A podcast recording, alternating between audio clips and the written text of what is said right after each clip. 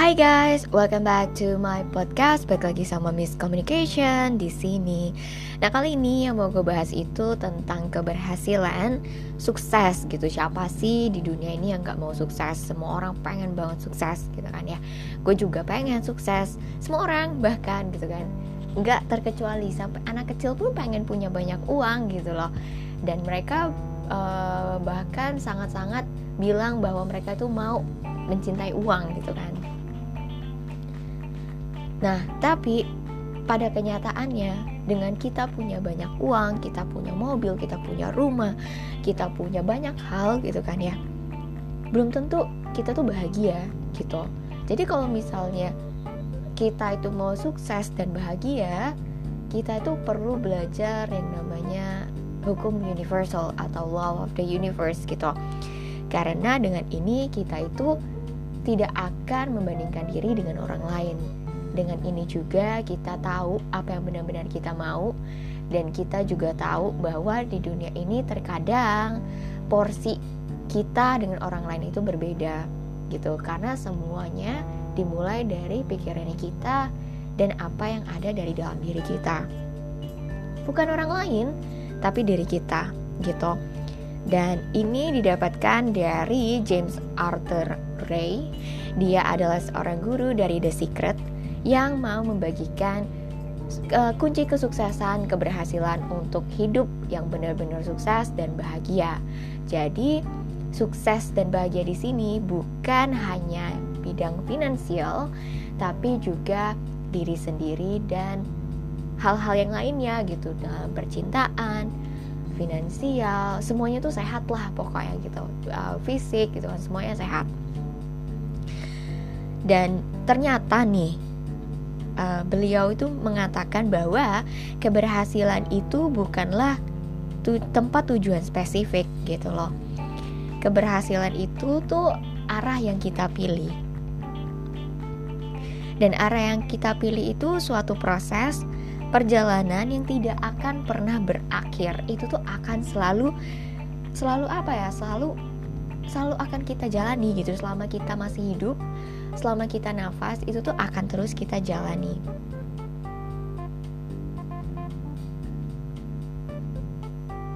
Dan kemajuan terus-menerus ke arah tujuan yang tertinggi, yaitu visinya kita dan kehidupan impiannya kita dalam semua bidang.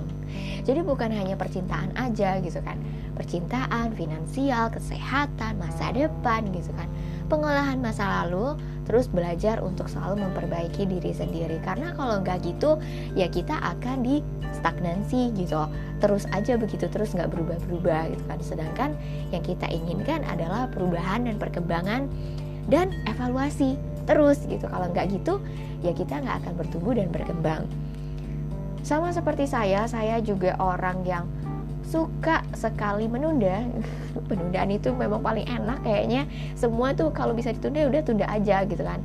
Tapi hasil yang saya dapatkan itu tidak seperti yang saya inginkan gitu. Pertumbuhan dan perkembangan itu kan yang aku pengen gitu yang aku benar-benar pengen di dalam hidup ini. Tapi kalau saya menunda itu ya itu nggak akan pernah saya dapatkan dan perubahan tidak akan kunjung datang. Yang saya dapatkan ya buang-buang waktu gitu kan tapi ada tapinya juga. Ketika saya berusaha untuk memperbaiki apa yang saya inginkan agar saya bisa dapat gitu kan. Contoh misalnya goal saya A, B, C, and D gitu kan.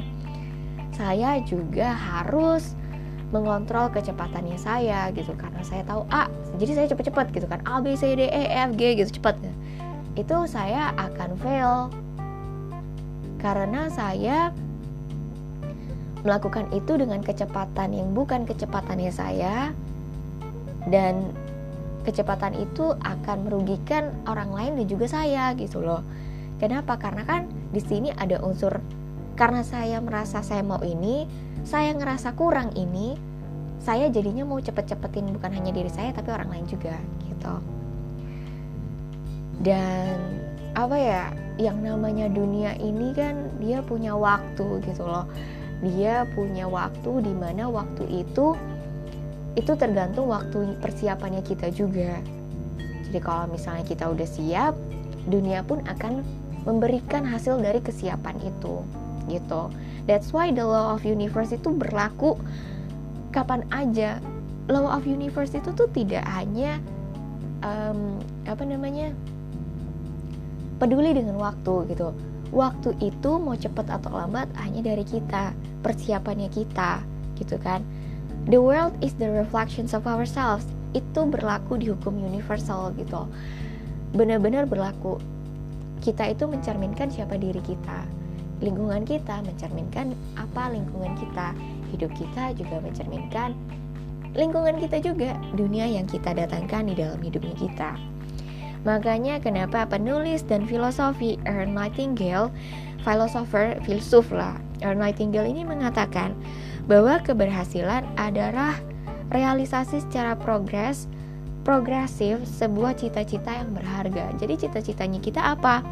Apa yang benar-benar kita inginkan. Contoh, menurut A dia sudah sukses kalau dia menikah. Menurut B dia sudah sukses kalau dia jadi polisi. Menurut C dia sukses kalau dia jadi guru. Ya, itu adalah relatif. Kesuksesan yang relatif. Dan relativity itu salah satu dari hukum universal gitu.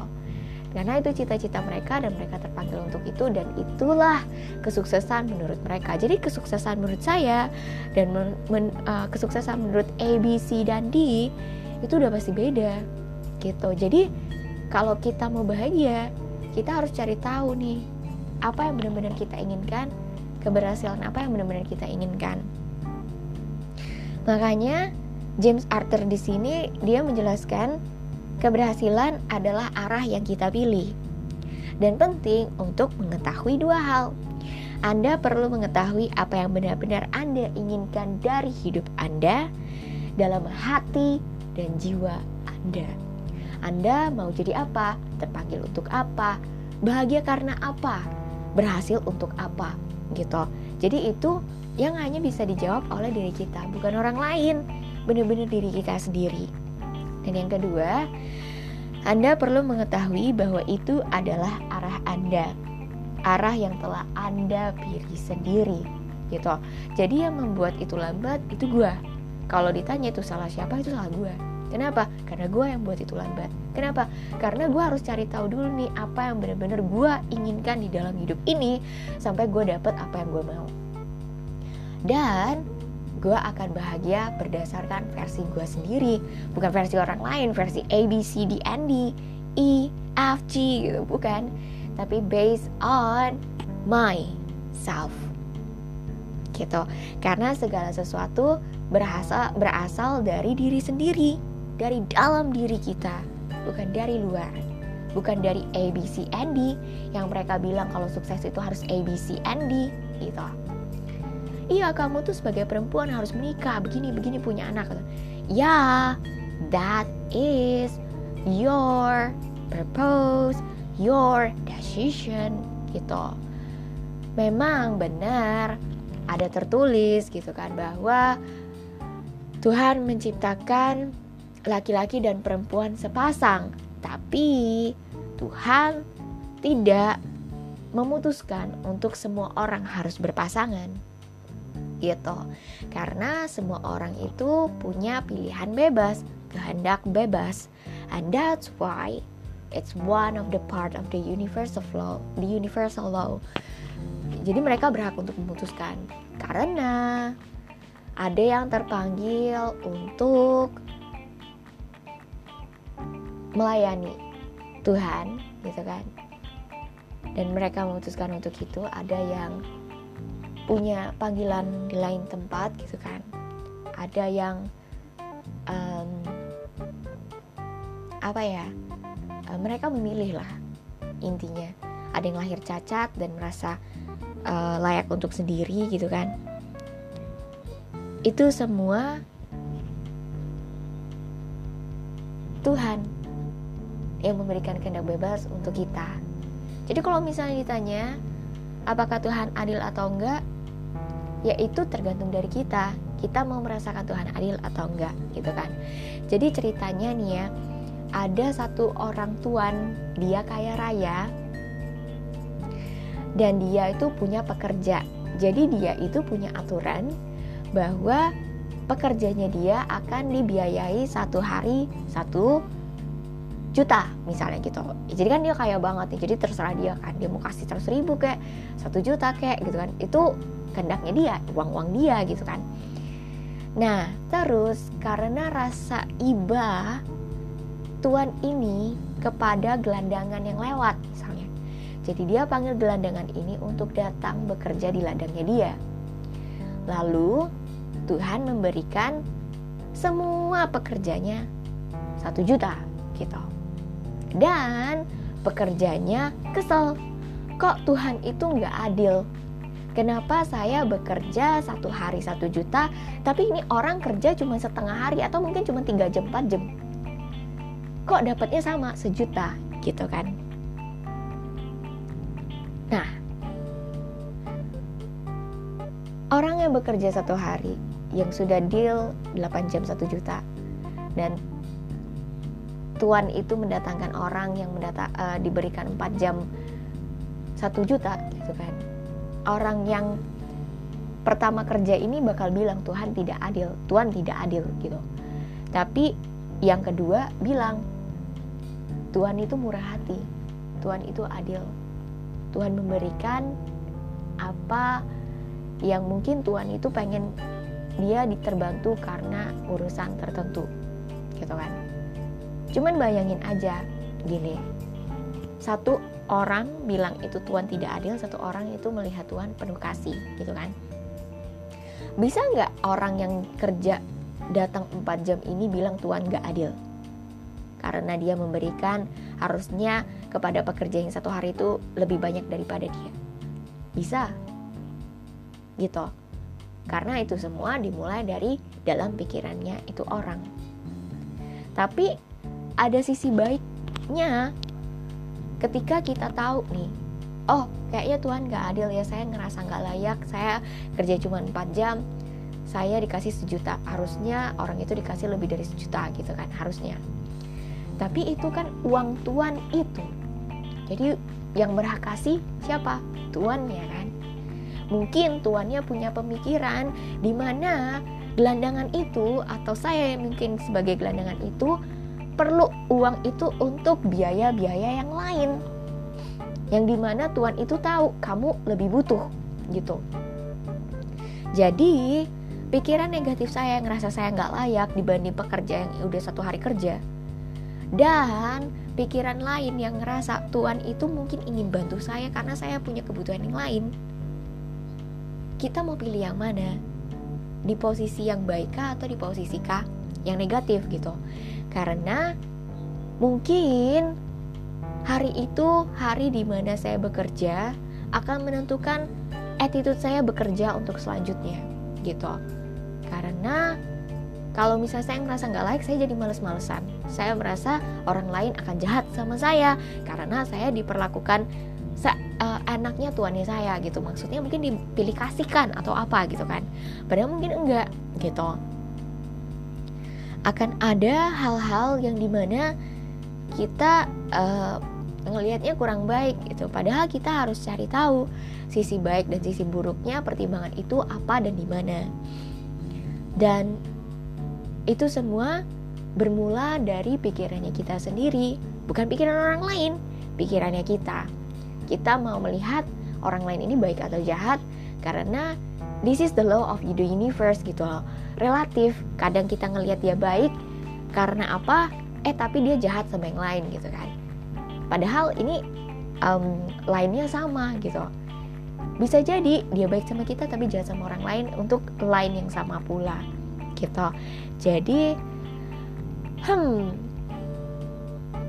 apa yang kita lihat terhadap orang lain itu juga yang akan timbul di dalam kehidupan kita.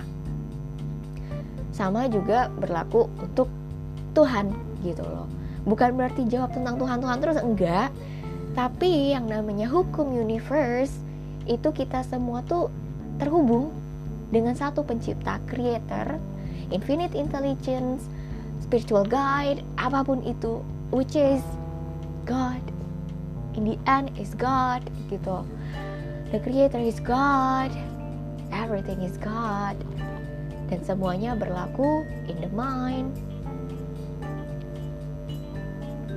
Makanya, kenapa kita penting banget untuk cari tahu apa yang benar-benar kita inginkan dan memilih untuk ke arah sana. Karena keberhasilan datang dari dalam diri kita, bukan dari orang lain. Nah, ceritanya Walt Disney ini, kak siapa sih yang nggak tahu Walt Disney? Walt Disney, semua film kartun yang keren-keren, yang bagus-bagus, yang terkenal itu dari Walt Disney gitu kan. Dan Walt Disney ini adalah contoh yang hebat.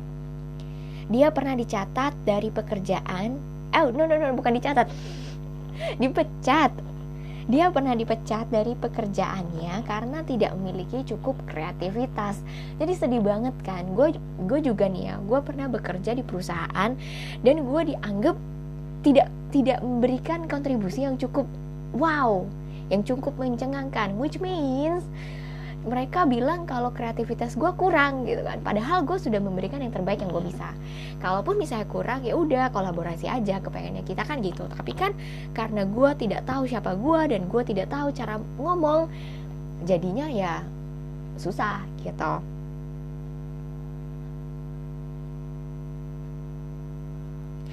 Nah, tapi hebatnya Walt Disney ini,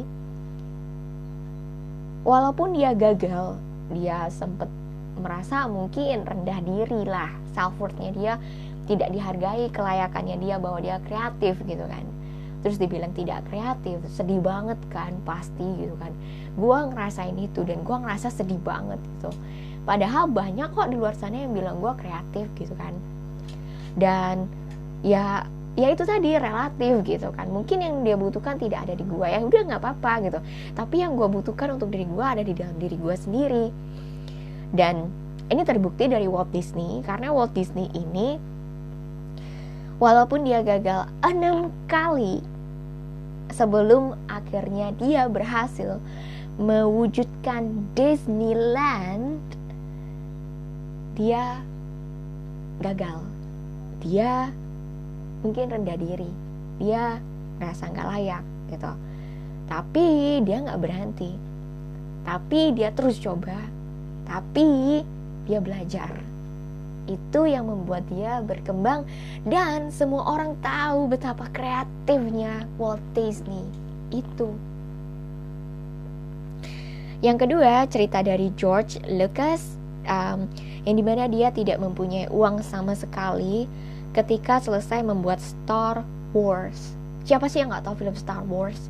Gue tahu, semua orang tahu gitu kan. Bahkan itu film tuh luar biasa bagus banget. Yang yang anehnya bisa berseri-seri gitu. Sampai sekarang pun masih ada filmnya. Masih berjaya gitu kan. Tapi lucunya dia memulai film ini dia tuh bener-bener nggak punya apa-apa. Semua orang mungkin nggak percaya gitu kan tapi kenyataannya begitu. Sampai ia tuh nggak punya apa-apa dan membuat poster untuk pertunjukan perdana filmnya. Gue bisa ngerasain ya di posisi dia waktu itu bener-bener kayak waktu udah mepet gitu tapi ngerasa banyak kurang apalagi dana kurang gitu kan. Sedih banget. Terus utang di mana-mana gitu kan terus menjelang akhir pembuatan film ketika mereka mengambil adegan ratusan orang menyambut para pahlawan pulang dari pertempuran jadi kan namanya Star Wars gitu kan perang perang bintang gitu kan ya ya jadi dari luar angkasa pulang dan mereka menang gitu kan ya. dan pengennya dia di imajinasi dia itu timbul banyak orang yang benar-benar kasih aplaus untuk uh, pemenang-pemenang uh, yang pulang ini tapi sayangnya karena nggak punya uang dan untuk nge-hire orang-orang jadi figuran gitu kan. Mereka George Lucas sama temen-temennya itu akhirnya memecahkan masalah ini dengan mengambil gambar sedikit orang yang dapat mereka bayar gitu. Jadi ya udahlah bayar secukupnya aja. Mereka cari cara. Akhirnya mereka minta pekerja-pekerja ini gerak dari satu sisi ke sisi lain untuk uh, membuat itu tuh jadi kenyataan banyak orang gitu kan. Bagusnya aulanya besar gitu jadi bisa diedit lah gitu. Kemudian mereka menghentikan kamera dan meminta semua orang itu bergerak dari satu sisi kan ke sisi lain. Diulang aja terus uh, prosesnya selama lima kali dan kemudian dia padu padankan urutannya sehingga hanya sedikit orang yang bergerak dari satu bagian ke bagian lain dari aula itu. Dan mereka menciptakan ilusi ratusan orang figuran dan aula yang penuh dengan orang. Menjelang pengambilan gambar selesai, George Lucas memiliki sangat banyak hutang. Gitu.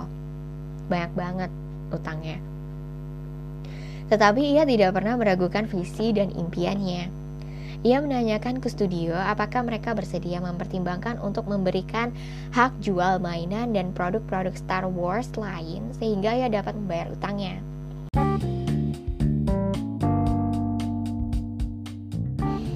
Dan studionya setuju gitu. Jadi selama 20 tahun kemudian setelah perdananya George Lucas ini yang tadinya banyak utang dan akhirnya dijual mainan karena kan ya dia harus cari dana kan. Dan keuntungannya itu dari mainan itu ia bisa membangun salah satu studio special effects terbaik di dunia Industrial Lights and Magic dan mengambil kembali gambar trilogi Star Wars persis seperti semula yang ia maksudkan. Jadi film perdananya itu cuman seala kadarnya dulu sampai akhirnya dia punya cukup dana sampai yang benar-benar dia pengen itu bisa terjadi. Bahkan ia mengedarkan kembali film itu untuk menerima ulasan yang penuh pujian dan memperkenalkan Star Wars kepada generasi penggemar yang baru. Filmnya menjadi film nomor satu, baik ketika diedarkan pertama kali maupun untuk kedua kali.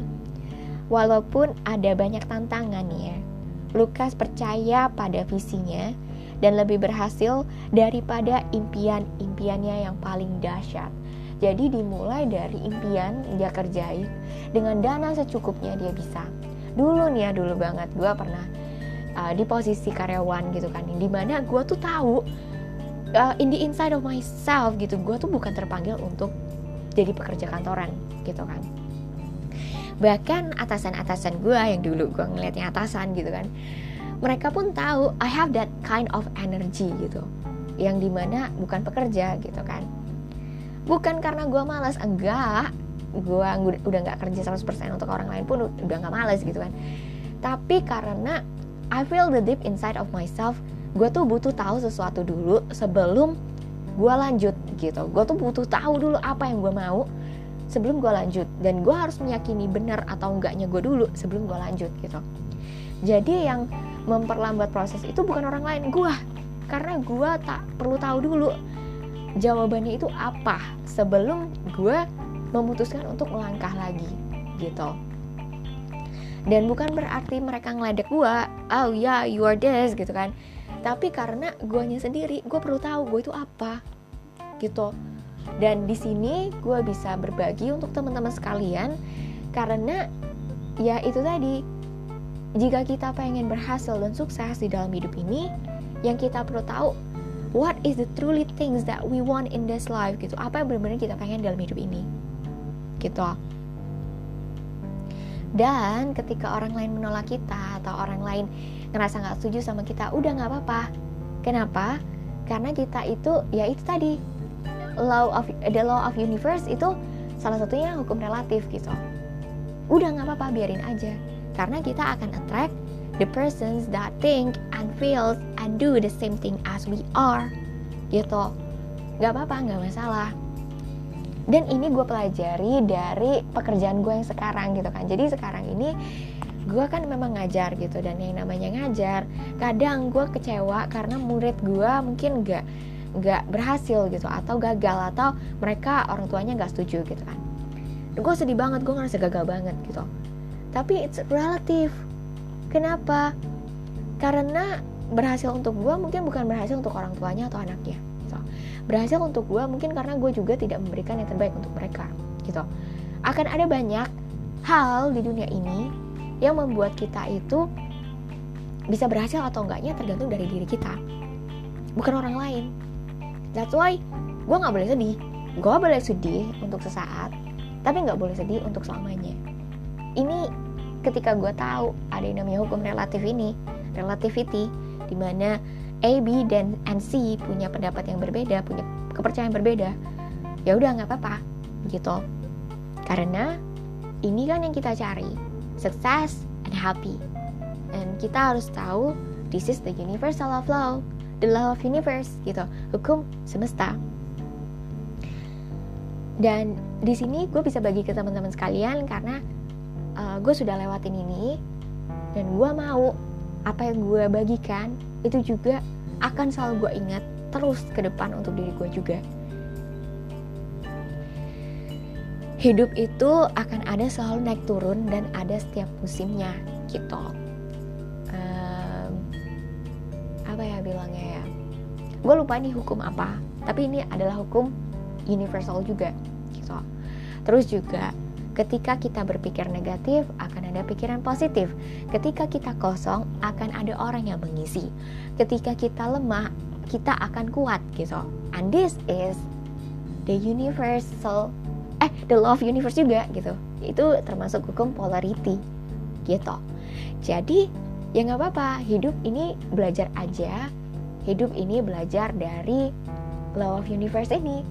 Jadi kita nggak akan kecewa terus-terusan kita akan bangkit kita akan kuatkan diri kita bukan hanya untuk diri kita tapi untuk Tuhan karena Tuhan itu the infinite spirit infinite intelligent spiritual guide. God is the first thing and the foremost yang kita harus tahu gitu. Dia ada. Yang kita harus tahu juga hukumnya apa. Karena ini semua itu bergerak berdasarkan satu hukum. Misalnya teman-teman ngomong, ah nggak percaya deh yang ini orang ngomongin gitu kan. Boleh, nggak apa-apa.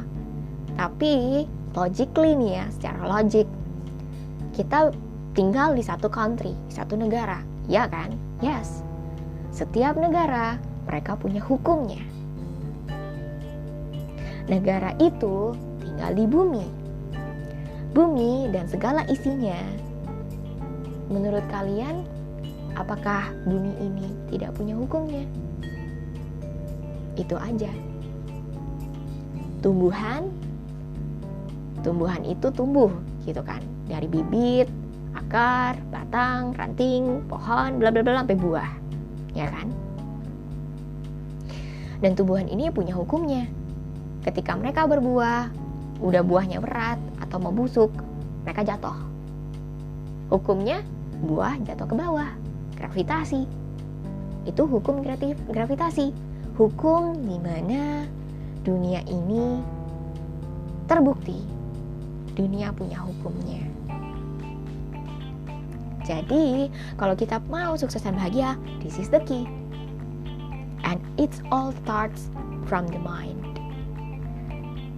Nah, jadi yang gue bagiin ke teman-teman sekalian di sini, it's the answer dari apa yang gue cari selama ini. Tapi itu semua tidak akan pernah 100% kita dapatkan if we don't know who we are.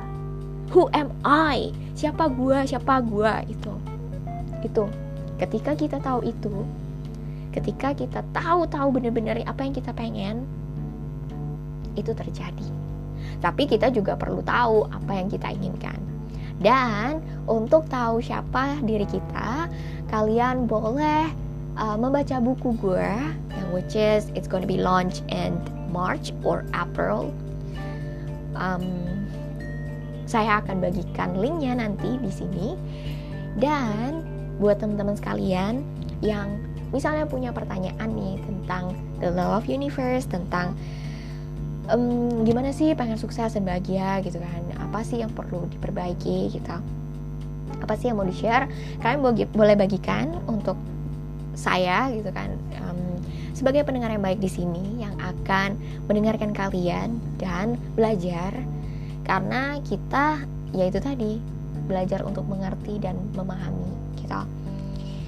Dan kalian harus selalu ingat di sini gue bukan sebagai guru hanya seorang storyteller yang berbagi.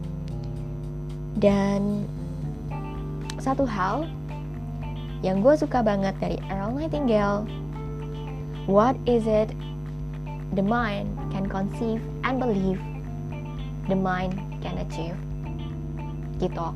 Jadi apa pun yang kita yakini dan kita percayai itu yang akan kita raih. Berhati-hatilah dengan apa yang kita pikirkan jangan terlalu fokus sama masa lalu karena masa lalu itu it's in the past. Dan itu tidak akan selalu mengikuti. Yang mengikuti adalah pikiran kita yang selalu membayangi. That's why bener-bener penting banget buat kita tahu apa yang kita mau percaya apa yang kita percayai dan belajar selalu untuk jadi diri yang lebih baik. Oh satu cerita yang tadi yang kenapa gue bilang gue itu orang yang menunda suka banget gitu kan. Dan lucunya nih ya ketika gue yakin uh, gue bisa memenuhi omongan gue sendiri gue itu tuh memberikan kepercayaan diri untuk gue kalau gue yakin gue bisa gitu. Jadi contoh ah pagi ini aku mau sikat gigi ah. Tapi aku nggak sikat gigi kayak kan? Fail. Terus abis itu uh, gue bilang oh ya abis ini gue baca buku ah. And then fail. Malah makan malah nonton misalnya gitu. Oke okay. and then oh um, after this I want to work. And then fail. Gitu. Dan fail kedua eh, pertama kedua ketiga selanjutnya itu akan terus-terusan fail. Kenapa? Karena I keep the procrastination going on gitu. Gue bener-bener uh, terus nunda gitu. Akhirnya udah tunda aja terus gitu kan. Itu kan goalnya yang dimau tunda gitu. Tapi akhirnya yang terjadi efeknya ke gue adalah karena cause-nya kan procrastination efeknya ke gue adalah gue jadi ngerasa lesu. Gue ngerasa kayak nggak bisa percaya diri. Gue ngerasa kayak yang malu gitu kan. Dan gue ngerasa kayak nggak cocok jadi contoh gitu. Karena apa? Procrastinate gitu tapi ketika gue melakukan um, apa yang gue omongin gue mau olahraga ah olahraga. Gue hari ini mau apa ah gue begitu. Gue mau memberikan yang terbaik untuk orang ini. Yes gue berikan kira gue mau ngomong ngomong. Jangan tunda. Gue mau apa apa gitu. Dan hasilnya ke diri gue gue jadi lebih percaya diri. Gue lebih on time. Gue lebih kayak ya menghargai orang lain gitu dan cause because of I stop the procrastinations and keep the promise to myself, I get what I want. That's self-worth, self-esteem, self-confident. So, buat teman-teman di sini, apa yang gue barusan bagikan itu adalah hukum dari universal of love juga, law of universe juga, which means the law, cause, and effect. Hukum dari sebab akibat gitu. Luar biasa banget kalau kita tahu hukum ini, kita tuh nggak akan 100% sakit hati, 100% benci, walaupun akan ada luka, pasti gitu kan. Karena mungkin dari diri kita juga, tapi kita harus keep fighting on that. Keep learning, keep believing about our vision, keep knowing what we want. Selalu tahu apa yang kita mau. Dan dari situ kita akan dapat apa yang memang sudah selayaknya kita mau. Bukan dari the energy of lack bukan dari desperation bukan dari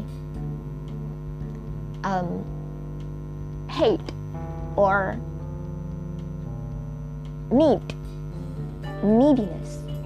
Dari bener-bener aku ingin aku ingin aku butuh aku butuh gitu.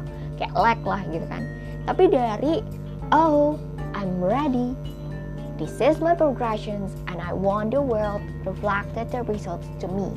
Because that's the locus and effect. Gitu.